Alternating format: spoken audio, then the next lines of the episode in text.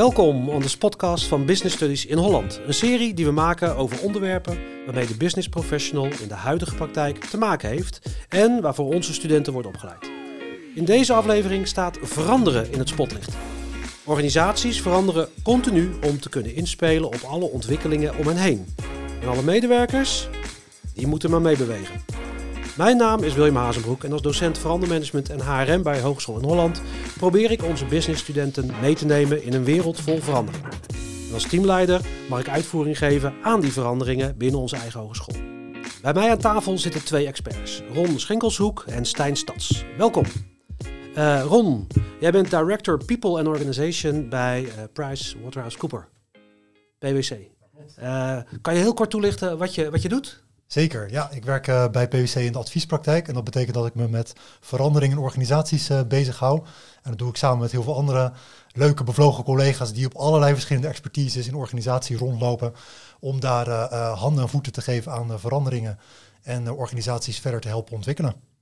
Mooi. Stijn, Managing Director bij Reflective. En uh, je beschrijft jezelf als de People Performance Agency. Ja, dat klopt. Vertel.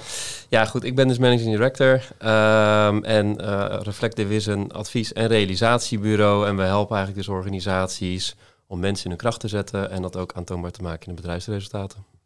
Nou, hartstikke mooi. En dus uh, van, vanuit jullie ervaring en expertise gaan we vandaag eens in op het thema veranderen. En de, de belangrijkste aanleiding dat we hier nu zo zitten is eigenlijk uh, uh, Ron. Ron, jij hebt het idee gehad om een boek te schrijven.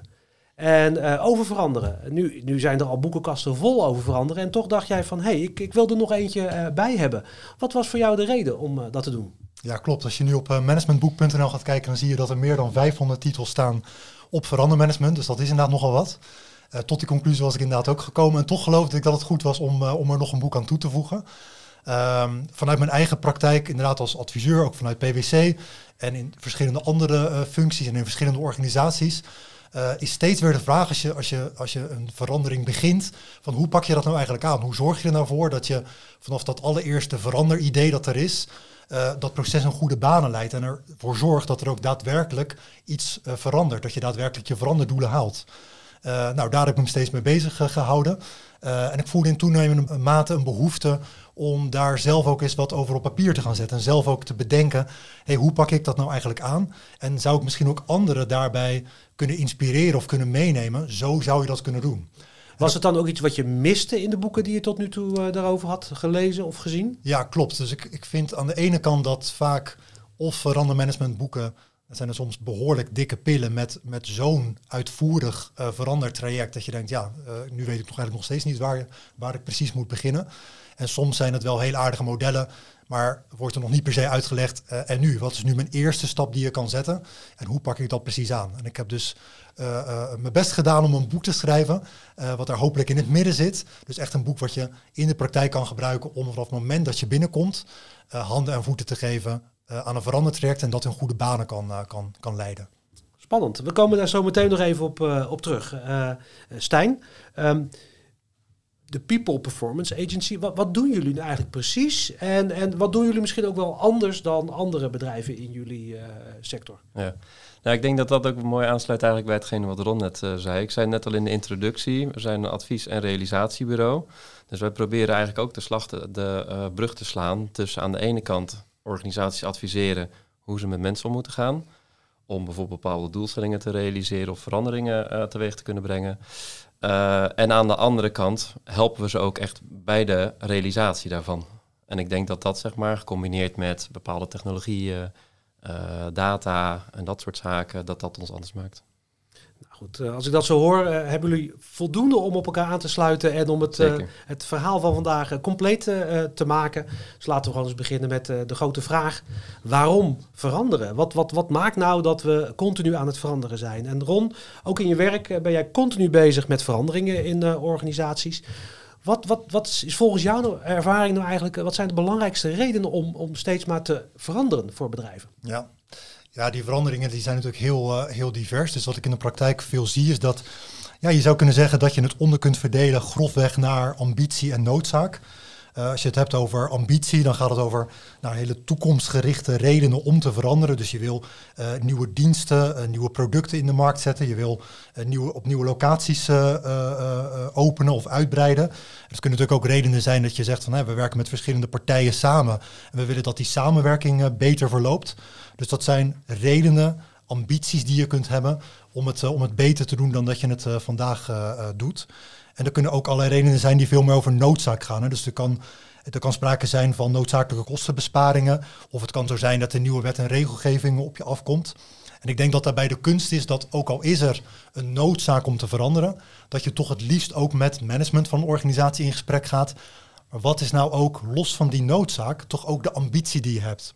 Dus als ik daar een concreet voorbeeld bij, uh, bij noem, uh, wat we zien bijvoorbeeld vanuit ESG, hè, uh, vanuit regelgeving als het gaat om uh, de, de, de impact die je als organisatie maakt op mens en klimaat, dat er vanaf 2024 regelgeving aankomt waardoor je er als bedrijf ook op moet gaan rapporteren. Hè, dus dat is een voorbeeld van iets wat op jou als organisatie afkomt, waarbij je ook iets moet. Dus dat is een noodzaak. En tegelijkertijd geloof ik dat het een kunst is, ook vanuit het perspectief van verandermanagement, maar wat wil je ook graag veranderen? Dus wat is nu los van wat je bijvoorbeeld, hè, als ik dat voorbeeld van ESG pak, waar moet je op rapporteren als het gaat om je impact op mens en klimaat? Maar ook wat zou je willen dat je impact vanuit jouw organisatie is? En dan steek je dus een verandering ook aan vanuit uh, ambitie en niet alleen maar vanuit de noodzaak. Oké, dus een, een, staaltje omdenken voor uh, het management die met deze veranderingen aan de slag gaat. Ja, ja, zo zou je dat wel kunnen zeggen, ja. Mooi, mooi. Um, Stijn, uh, ook jij komt veel bij organisaties uh, over de vloer. Uh, die bezig zijn met verandertrajecten. Ja. Wat, wat, zie jij nog voorbij komen aan oorzaken om te veranderen? Redenen? Nou, ik kan er nog een paar aan toevoegen wat Ron net zei. Digitale transformatie, om er maar eentje te noemen. Er komt natuurlijk onwijs veel dat bepaalde bedrijfsprocessen gedigitaliseerd worden. Dat vervaagt, uh, vraagt vervolgens ook weer wat anders uh, van het uh, gedrag van de medewerkers die er werken. Of de inflatie of dat soort allemaal noodzaak, zou je kunnen zeggen. Maar het leuke is wel is dat we zitten ook veel met ondernemers aan tafel en die zien ook wel weer mooi de kansen erin. en die formuleren het dan ook wel als ambitie. Oké, dus het vertalen van noodzaak naar ambitie. Uh, en vervolgens kijken naar wat zijn nou de gevolgen voor medewerkers uh, die daar dadelijk uh, mee te maken krijgen. Ja. Een onderwerp gaan we in deel 2 van het gesprek nog eventjes mee verder.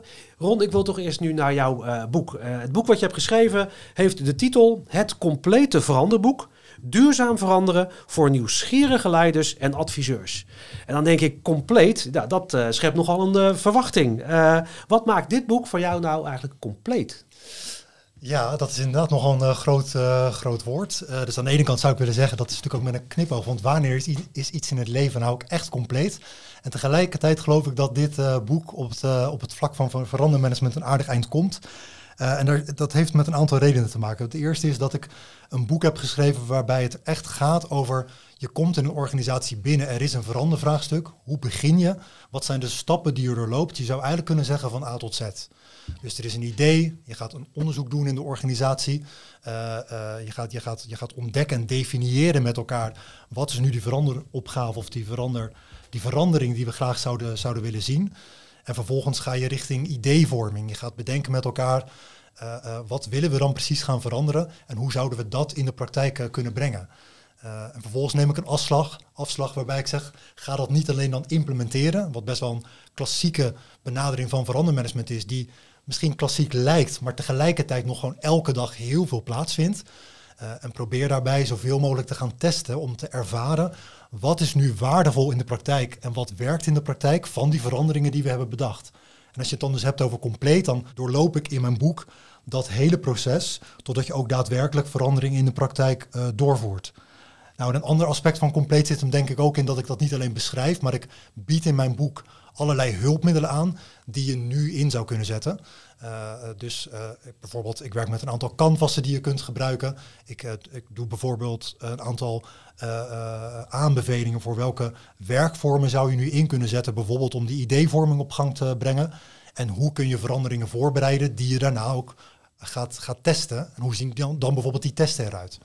Dus ik denk dat dat het al met al aardig compleet maakt. Goed, en in een compleet model past natuurlijk ook een schema. Je hebt het, het, het Delta-model of de Delta-methode daarvoor gebruikt. En die heb je zelf ontworpen.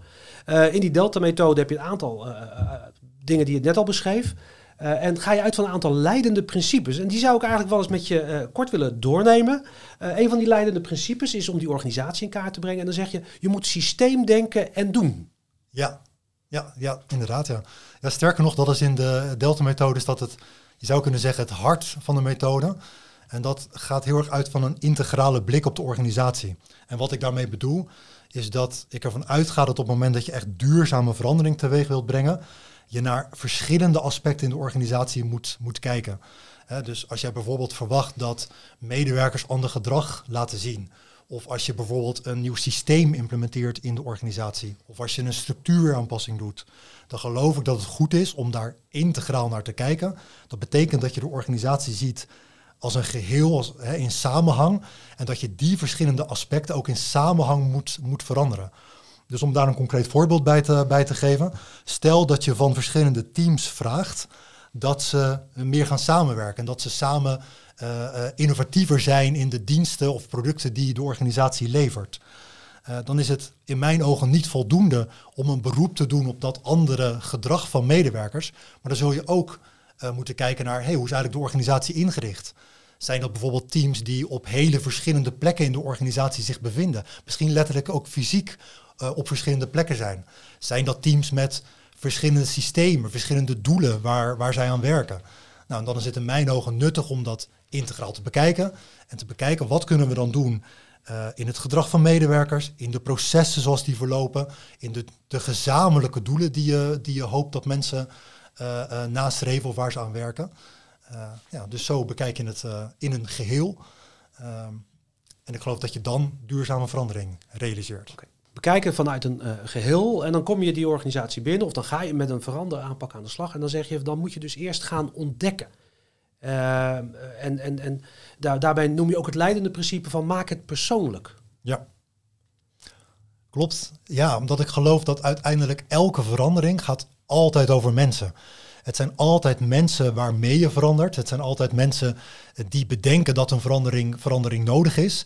Dus uiteindelijk gaat het erom dat je vanaf het begin uh, een focus hebt op met wie hebben we hier eigenlijk te maken. Dus in de eerste plaats zijn dat natuurlijk de, de klanten van een organisatie. Uh, uh, snap jij op het moment dat je aan een verandering gaat werken, om wie dit uiteindelijk allemaal te doen is? Wie, wiens leven probeer je hier eigenlijk beter van te maken? vaak gaat dat toch om klanten, afnemers die je, die je met jouw dienst of product wilt helpen.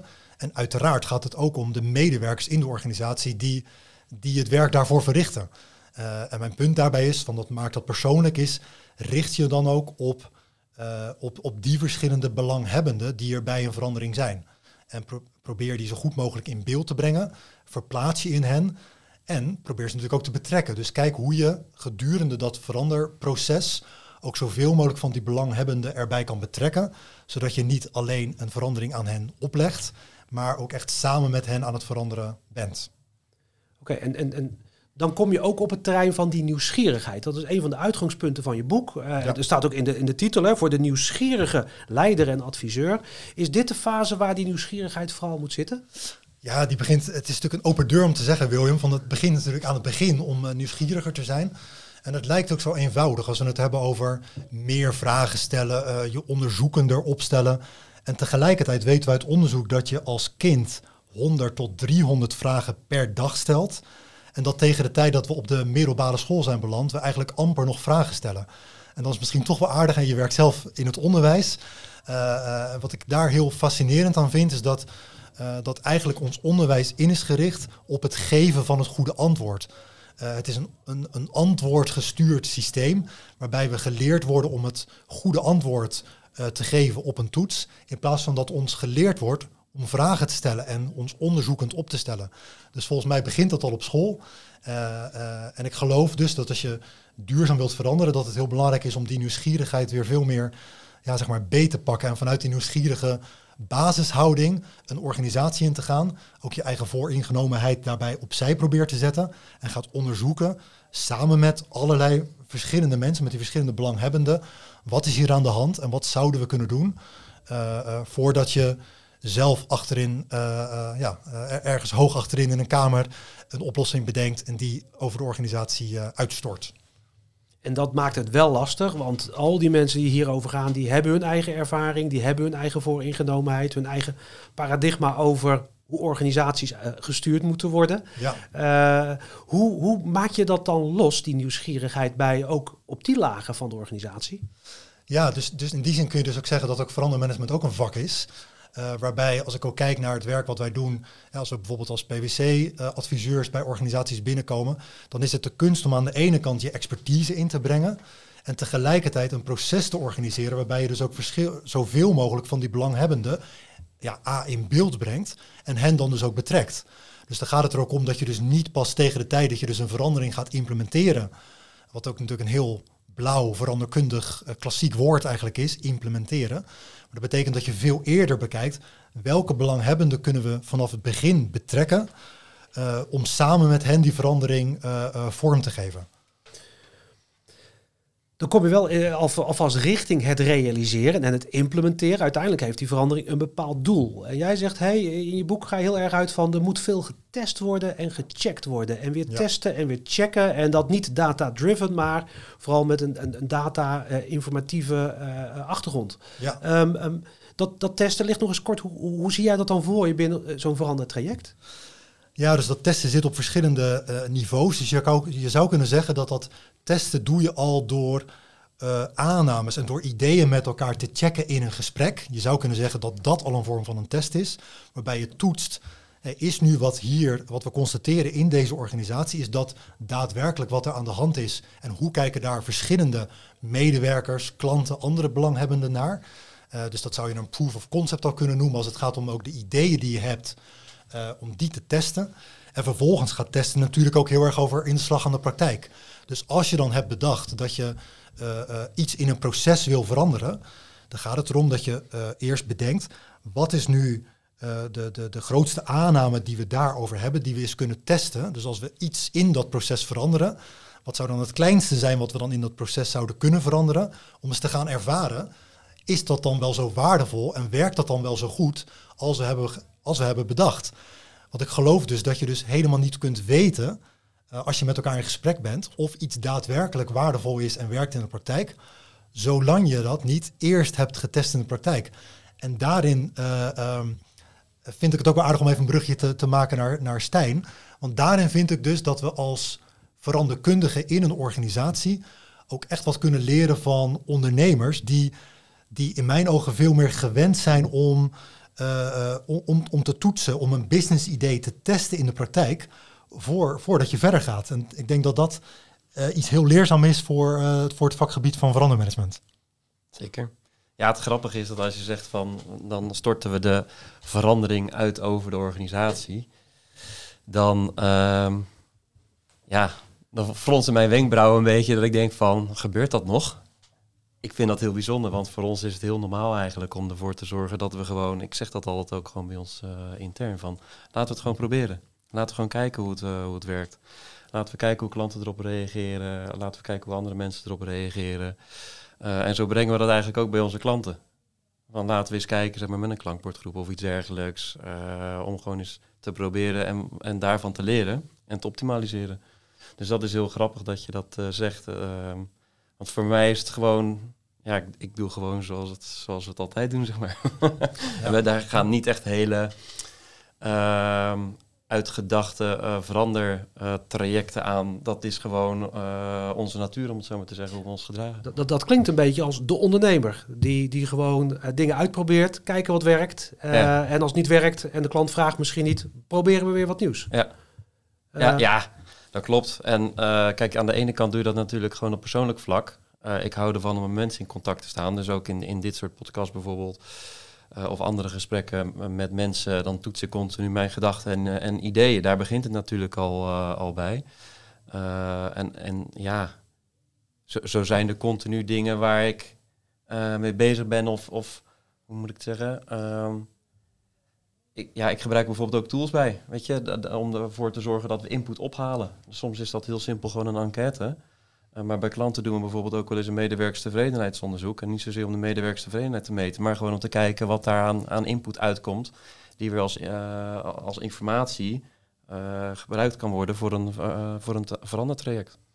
Dus informatie verzamelen en die gebruiken in de volgende stap van het traject uh, Ja. die je gaat uitproberen. Ja, en dan wel eh, vanuit verschillende perspectieven. Dat vind ik vooral belangrijk, dat eh, wat je net ook zei over data geïnformeerd. Ehm, dat het niet alleen maar de data is die leidend is, maar dat je juist ook vanuit verschillende perspectieven eh daarnaar kijkt en, en dat gebruikt om, om je voordeel mee te doen. Nieuwsgierig luisteren naar alle stemmen in en rond de organisatie. Oké, maar eh, Ron, dus we testen, we proberen wat dingen uit en dan zijn we er. Of, eh, of is er meer nodig om eh, duurzaam te veranderen? Ja, dus, dus dat, dat, ja, het eerste wat er toch in me opkomt is, dat is die integraliteit waar we het eigenlijk net al even over hadden. Dus, dus dat, wat ik toch wel veel zie is dat er dan ideeën zijn over een procesaanpassing, ehm, eh, de implementatie van, van nieuwe software, van nieuwe technologie. Eh, en het is denk ik echt een kunst om steeds weer te bedenken hoe zorgen we er nu voor dat dat eh, goed ingepast wordt in de processen die er al zijn. En dat ook die verschillende elementen op elkaar worden aangepast. En dat is een kunst. Ja, en dat maakt natuurlijk ook een veranderd nooit heel erg rechtlijnig. Dus dat is natuurlijk ook interessant als je het over een methode hebt voor verandermanagement. Want aan de ene kant geloof ik dat het heel nuttig is om het, om het stap voor stap methodisch aan te pakken. En tegelijkertijd lopen natuurlijk verschillende fases van met elkaar ontdekken, bedenken, eh, eh, iets, iets testen in de praktijk en iets anders eh, invoeren. Ja, dat loopt ook door elkaar heen. En dat, ja, dat maakt natuurlijk ook dat, het, dat het heel complex kan zijn. En dat maakt het ook zo leuk om je ook met verandering in organisaties bezig te houden. Eigenlijk is het toch gewoon een soort van levende puzzel. Levende puzzel, dat is het. Ja, absoluut. Duurzaam veranderen als levende puzzel. Ja, wat maar een in mooie die- titel geweest. Maar in, in die puzzel eh, eh, speelt één, één groep mensen ook wel een hele belangrijke rol. Want er zijn natuurlijk die medewerkers die uiteindelijk moeten gaan uitvoeren wat in die veranderprocessen wordt, eh, wordt aangedragen. Ehm, en, en hoe krijg je nou medewerkers mee? Want dat is toch wel vaak ook het thema van veel van die veranderboeken. Ehm hoe kijken jullie dan eigenlijk naar om, om mensen vanuit die verandering in hun kracht te kunnen zetten? Nou ja, kijk aan de ene kant, zoals Ron net al zei, wil je eh, als directie of management zijn, dan wil je een bepaalde verandering teweeg eh, brengen. Maar de route daar naartoe, of om dat doel te bereiken, daar zijn natuurlijk meerdere opties voor. En wat je nu vaak in de praktijk ziet gebeuren, als ik jullie goed begrijp, nee, dat is grapje. Ehm, wat er vaak is gedaan, is dat die route al bepaald is. En dat je dat eigenlijk met elkaar zou willen doen.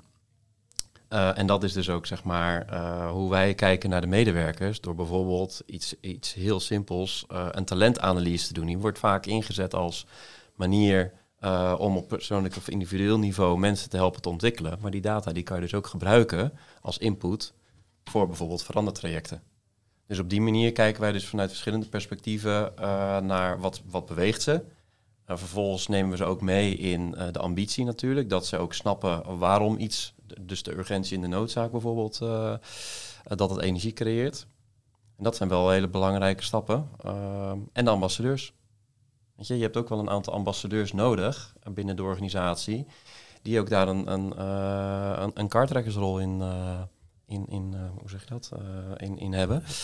Uh, ook omdat niet iedereen vanuit nature even veranderingsgezind is, zeg maar. De ene die houdt gewoon van uh, veiligheid, vanuit structuur, vanuit nou, comfort. En de andere, en dat zie je bijvoorbeeld bij een innovatieafdeling, ja, dat zijn mensen die houden van verandering, die zijn daar continu mee bezig. Dat is niet voor niks. We komen straks nog heel even terug op het, het onderdeel weerstand. Nog één trigger voor mij. Uh, je, geeft, je doet een talentanalyse, je gaat op zoek naar de talenten en de drijfveren van mensen, uh, welke kans op willen. Wat nou als dat nou eens botst met wat die organisatie nou eigenlijk wil? Um, in, je bedoelt dan zeg maar het, het, het, de, de route daar naartoe? Bijvoorbeeld? Ja, dat zijn leuke discussies. Uh, want dat betekent dat je eigenlijk als directie zijnde, dus heel top-down, beslist um, wat, wat die veranderroute zal gaan worden. En dan krijg je dus eigenlijk ook alle uh, weerstand uh, die je niet zou willen. Tenminste, als ik kijk naar uh, mijn managementrol, zeg maar, dan wil ik graag dat iedereen erachter staat, meegaat en dat je samen die verandering uh, doorgaat uh, om dat doel te bereiken. Dus zo'n talentanalyse zou vooraf uh, als informatie moeten worden binnengehaald. De ja. nieuwsgierige leider die moet eerst gaan kijken, hey, waar willen jullie heen als medewerker? En... Nou ja, het begint natuurlijk sowieso met interesse in de medewerker. Uh, en wat voor uh, vlees je in de kuip hebt, om het zo maar te zeggen.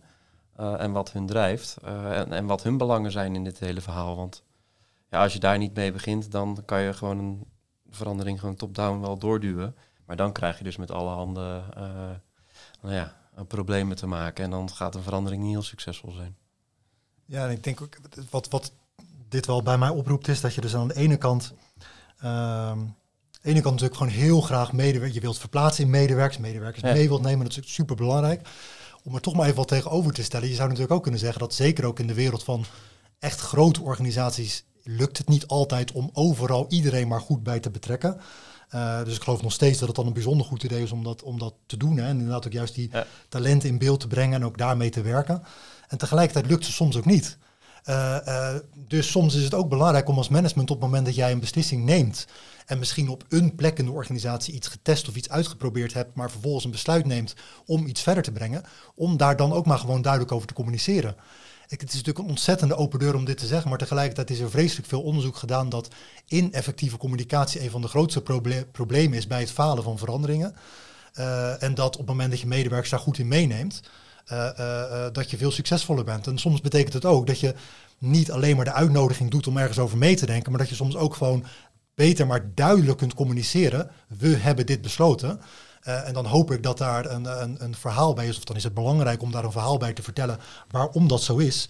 Maar er worden natuurlijk ook gewoon beslissingen genomen eh, die je ook mededeelt. En dan is uiteindelijk natuurlijk ook de vraag, eh, ja, ook als je, zeker als je natuurlijk ingrijpende veranderingen in een organisatie hebt, heb je dan op een afdeling of in een team nog de mensen zitten die, je, ja, die, daar, ook, die daar ook in mee kunnen gaan. Ja, en dat betekent uiteindelijk natuurlijk ook een, ook een individuele afweging van ben ik, ben ik ook als medewerker op een plek in deze organisatie, komen mijn talenten hier goed, goed aan de orde, ook in de, in de richting waarin deze organisatie eh, heeft gekozen om te gaan. Dus die organisatie die eh, beweegt een kant op. En eh, die moet goed gecommuniceerd worden. Soms vooraf mensen meenemen. En soms duidelijk achteraf ook zeggen van dit gaan we gewoon doen. En eh, je probeert ze met effectieve communicatie daarin mee te krijgen. Als dat niet lukt, dan krijg je opeens zo'n begrip wat je veel leest over weerstand. Eh, begrippen als aan een dood paard kan je niet trekken. Ehm, ehm, en als ze niet willen, ja, dan houdt het eigenlijk wel op. Dit zijn kreten die je vaak hoort in organisaties. Hoe kijken jullie eigenlijk naar het begrip weerstand, Stijn? Ja, trekken aan een dood paard. Volgens mij begin je dan al verkeerd. Eh, want dat, dat, daar zit al natuurlijk een bepaalde eh, bias of, of aanname zit daar al, eh, al in. En volgens mij ehm, komen we dan weer terug op hetgene waar we het net over hadden. Gewoon verplaatsen in de mensen en ervoor zorgen dat je die belangen, want dat is uiteindelijk waar het om gaat, de belangen van de organisatie en die van de mensen proberen bij elkaar te krijgen.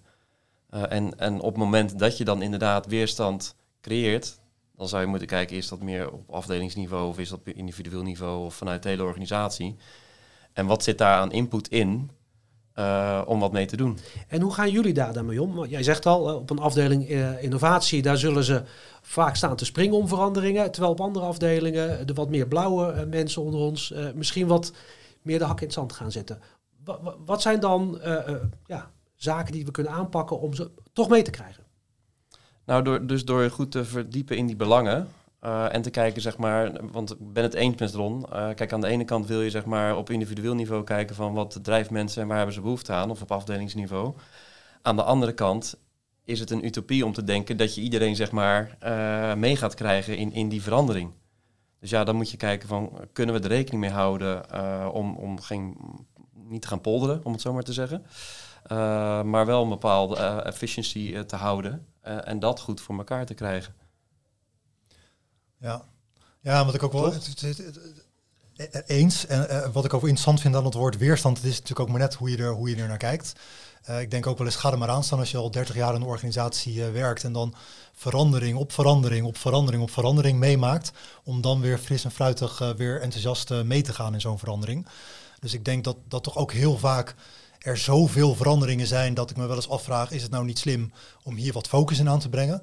Uh, dus ik geloof dat dat al uh, ergens aan het begin van zo'n verandertraject heel goed is om te bedenken, kunnen we nu de veranderingen die we voor ogen hebben aan laten sluiten bij de strategie van de organisatie die we hebben, aan laten sluiten bij de ontwikkeling die we doormaken, daar dan inderdaad zoveel mogelijk medewerkers wel op wat voor manier dan ook bij betrekken.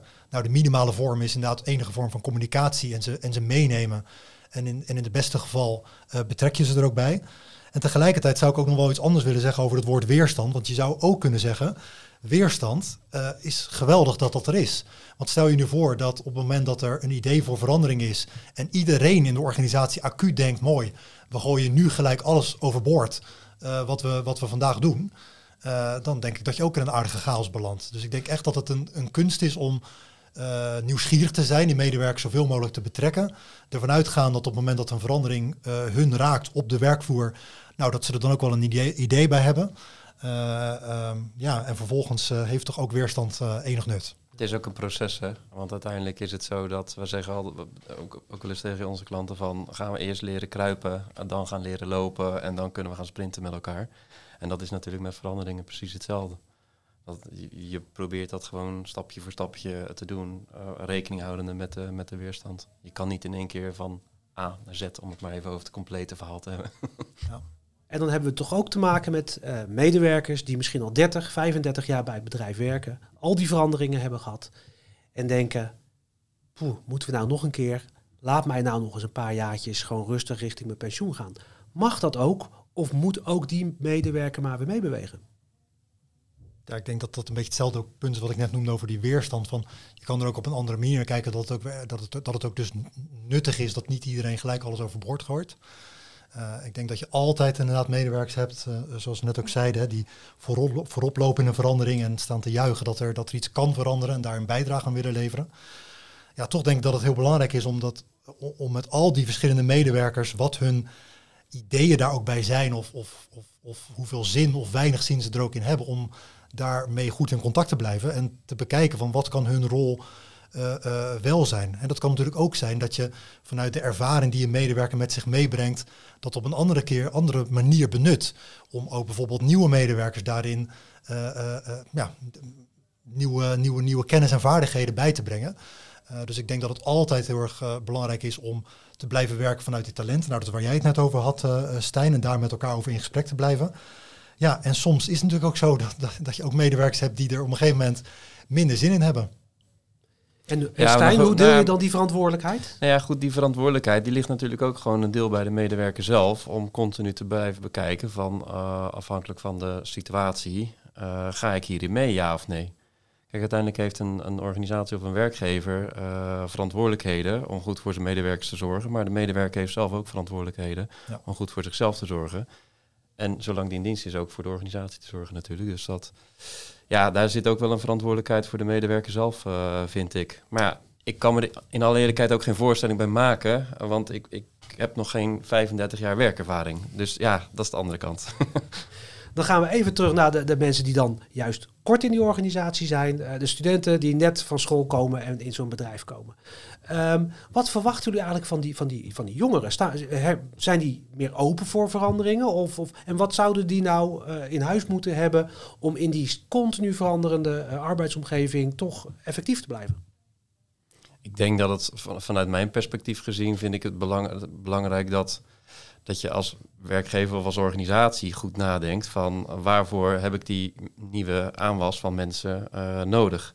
Uh, en in de ene rol of, uh, of afdeling binnen de organisatie zijn meer veranderingen gaan dan in de andere. En dat je dus ook goed kijkt naar van wat voor type soort mensen haal ik binnen mijn organisatie. En er zit verschil in. En dat is ook oké, want daar zijn ze juist complementair aan elkaar. Je moet geen mensen hebben die een hoge behoefte hebben aan afwisseling bijvoorbeeld, die continu repeterend werk gaan doen. Dus, dus de vraag uh, van wat hebben ze nodig? Ik denk vooral inzicht in zichzelf, zodat ze de juiste keuze kunnen maken tussen uh, waar ga ik uiteindelijk werken uh, en, en, past die organisatie of die omgeving goed, goed bij mij. Ja, en ik denk, ik denk daarbij ook dat, dat toch even aanhaakt op de subtitel van mijn boek, dat die nieuwsgierigheid daarin dus super belangrijk is. En dat betekent dat, dat toch ook al op de opleiding, bijvoorbeeld hier bij Business Studies op in Holland, ook de vraag is van, van leren we dus, ja, dus niet alleen om, om het antwoord te geven, dus niet alleen maar de kennis, maar leren we ook onderzoeken, leren we verkennen, leren we aan de hand van methodes als, als design thinking, of nou ja, uh, wil je misschien dan toch zometeen maar ook de methode waar ik dan zelf over schrijf, leren we uh, studenten om als jonge professionals ergens binnen te komen en met die verkennende, onderzoekende houding uh, aan het werk te gaan. dan de integraliteit inderdaad, dus, dus leren we ze dat het niet alleen gaat over de processen, niet alleen gaat over technologie, maar ook over, of over, over, over mensen, maar dat, dat die samenhang heel belangrijk is. En dan toch even nog ook op het punt van onderwijs. En geven we ze dan ook de ruimte om hier ook al gebruik te maken van technologie. Uh, en te leren wat het betekent om data-analyse te doen. En, en staan we ze ook toe om ChatGPT op een goede manier te gebruiken. Want als ik dan bijvoorbeeld lees dat er onderwijsinstellingen zijn die, die het zelfs verbieden, dan denk ik dat kan toch niet de bedoeling zijn dat je, dat je juist op een plek waar je mensen aan het klaarstomen bent voor het, het als professional starten in, de, uh, in verschillende organisaties, dat, je, dat is juist de plek waarin je ze moet aanmoedigen om dat goed te gebruiken. Dus, dus een mooie uitdaging voor het onderwijs om die nieuwsgierige student en die nieuwsgierige professional van de toekomst wat skills mee te geven waarmee ze zich gaan redden en waar bedrijven ook blij van worden. Ja, absoluut. Ik, ik, hoor hier wel een noodzaak voor het onderwijs om nog uh, verder te veranderen. Als ik jou zo beluister. Ja, precies. Wat dat betreft uh, zijn we druk bezig. En misschien heb je daar dan nog een, een, tip in, Ron. Want ik wil toch even afsluiten. jouw boek met als ondertitel Voor de nieuwsgierige leider en adviseur. Die ligt in de, de, de boekhandel. die kunnen mensen aanschaffen. Als mensen nou dit hebben gelezen. De leiders de, de, de bedrijfsadviseurs, misschien zelfs wel docenten of studenten in het onderwijs. Uh, welke mindshift hoop je dan dat ze maken? Welke boodschap hoop je dan dat er is overgekomen? Ja, dus, dus kijk, het zit, de eerste stap is al, dan hoop ik dat ze, dat ze ervaren dat, uh, dat de Delta-methode, dat het boek wat ik heb geschreven, kan helpen om dat veranderd traject van begin tot eind in goede banen te leiden. Dus dat heeft een praktische kant daarin, dat het je helpt om steeds weer te bedenken van wat is nu de volgende stap die ik, die je kan zetten. Uh, ik hoop dat er een besef is van het belang om verschillende belanghebbenden uh, in beeld te brengen, je in hen te verplaatsen, ze te betrekken en zoveel mogelijk een rol te geven in het verandertraject. Dus dat je niet voor mensen verandert of een verandering oplegt, maar dat je samen waarde aan het creëren bent, om, om, om dat woord ook maar even te gebruiken. en tot slot zou ik die nieuwsgierigheid misschien wel willen omdopen tot een radicale nieuwsgierigheid. Dus dan hoop ik dat ze aan het denken worden gezet dat dat echt een radicale vorm van steeds weer onderzoeken, testen, ervaren, elke stap weer bevragen voordat je daarin keuzes maakt en steeds weer die reflectie en leermomenten inbouwen. Dan hoop ik dat dat uh, iets is wat ze hier uh, uithalen.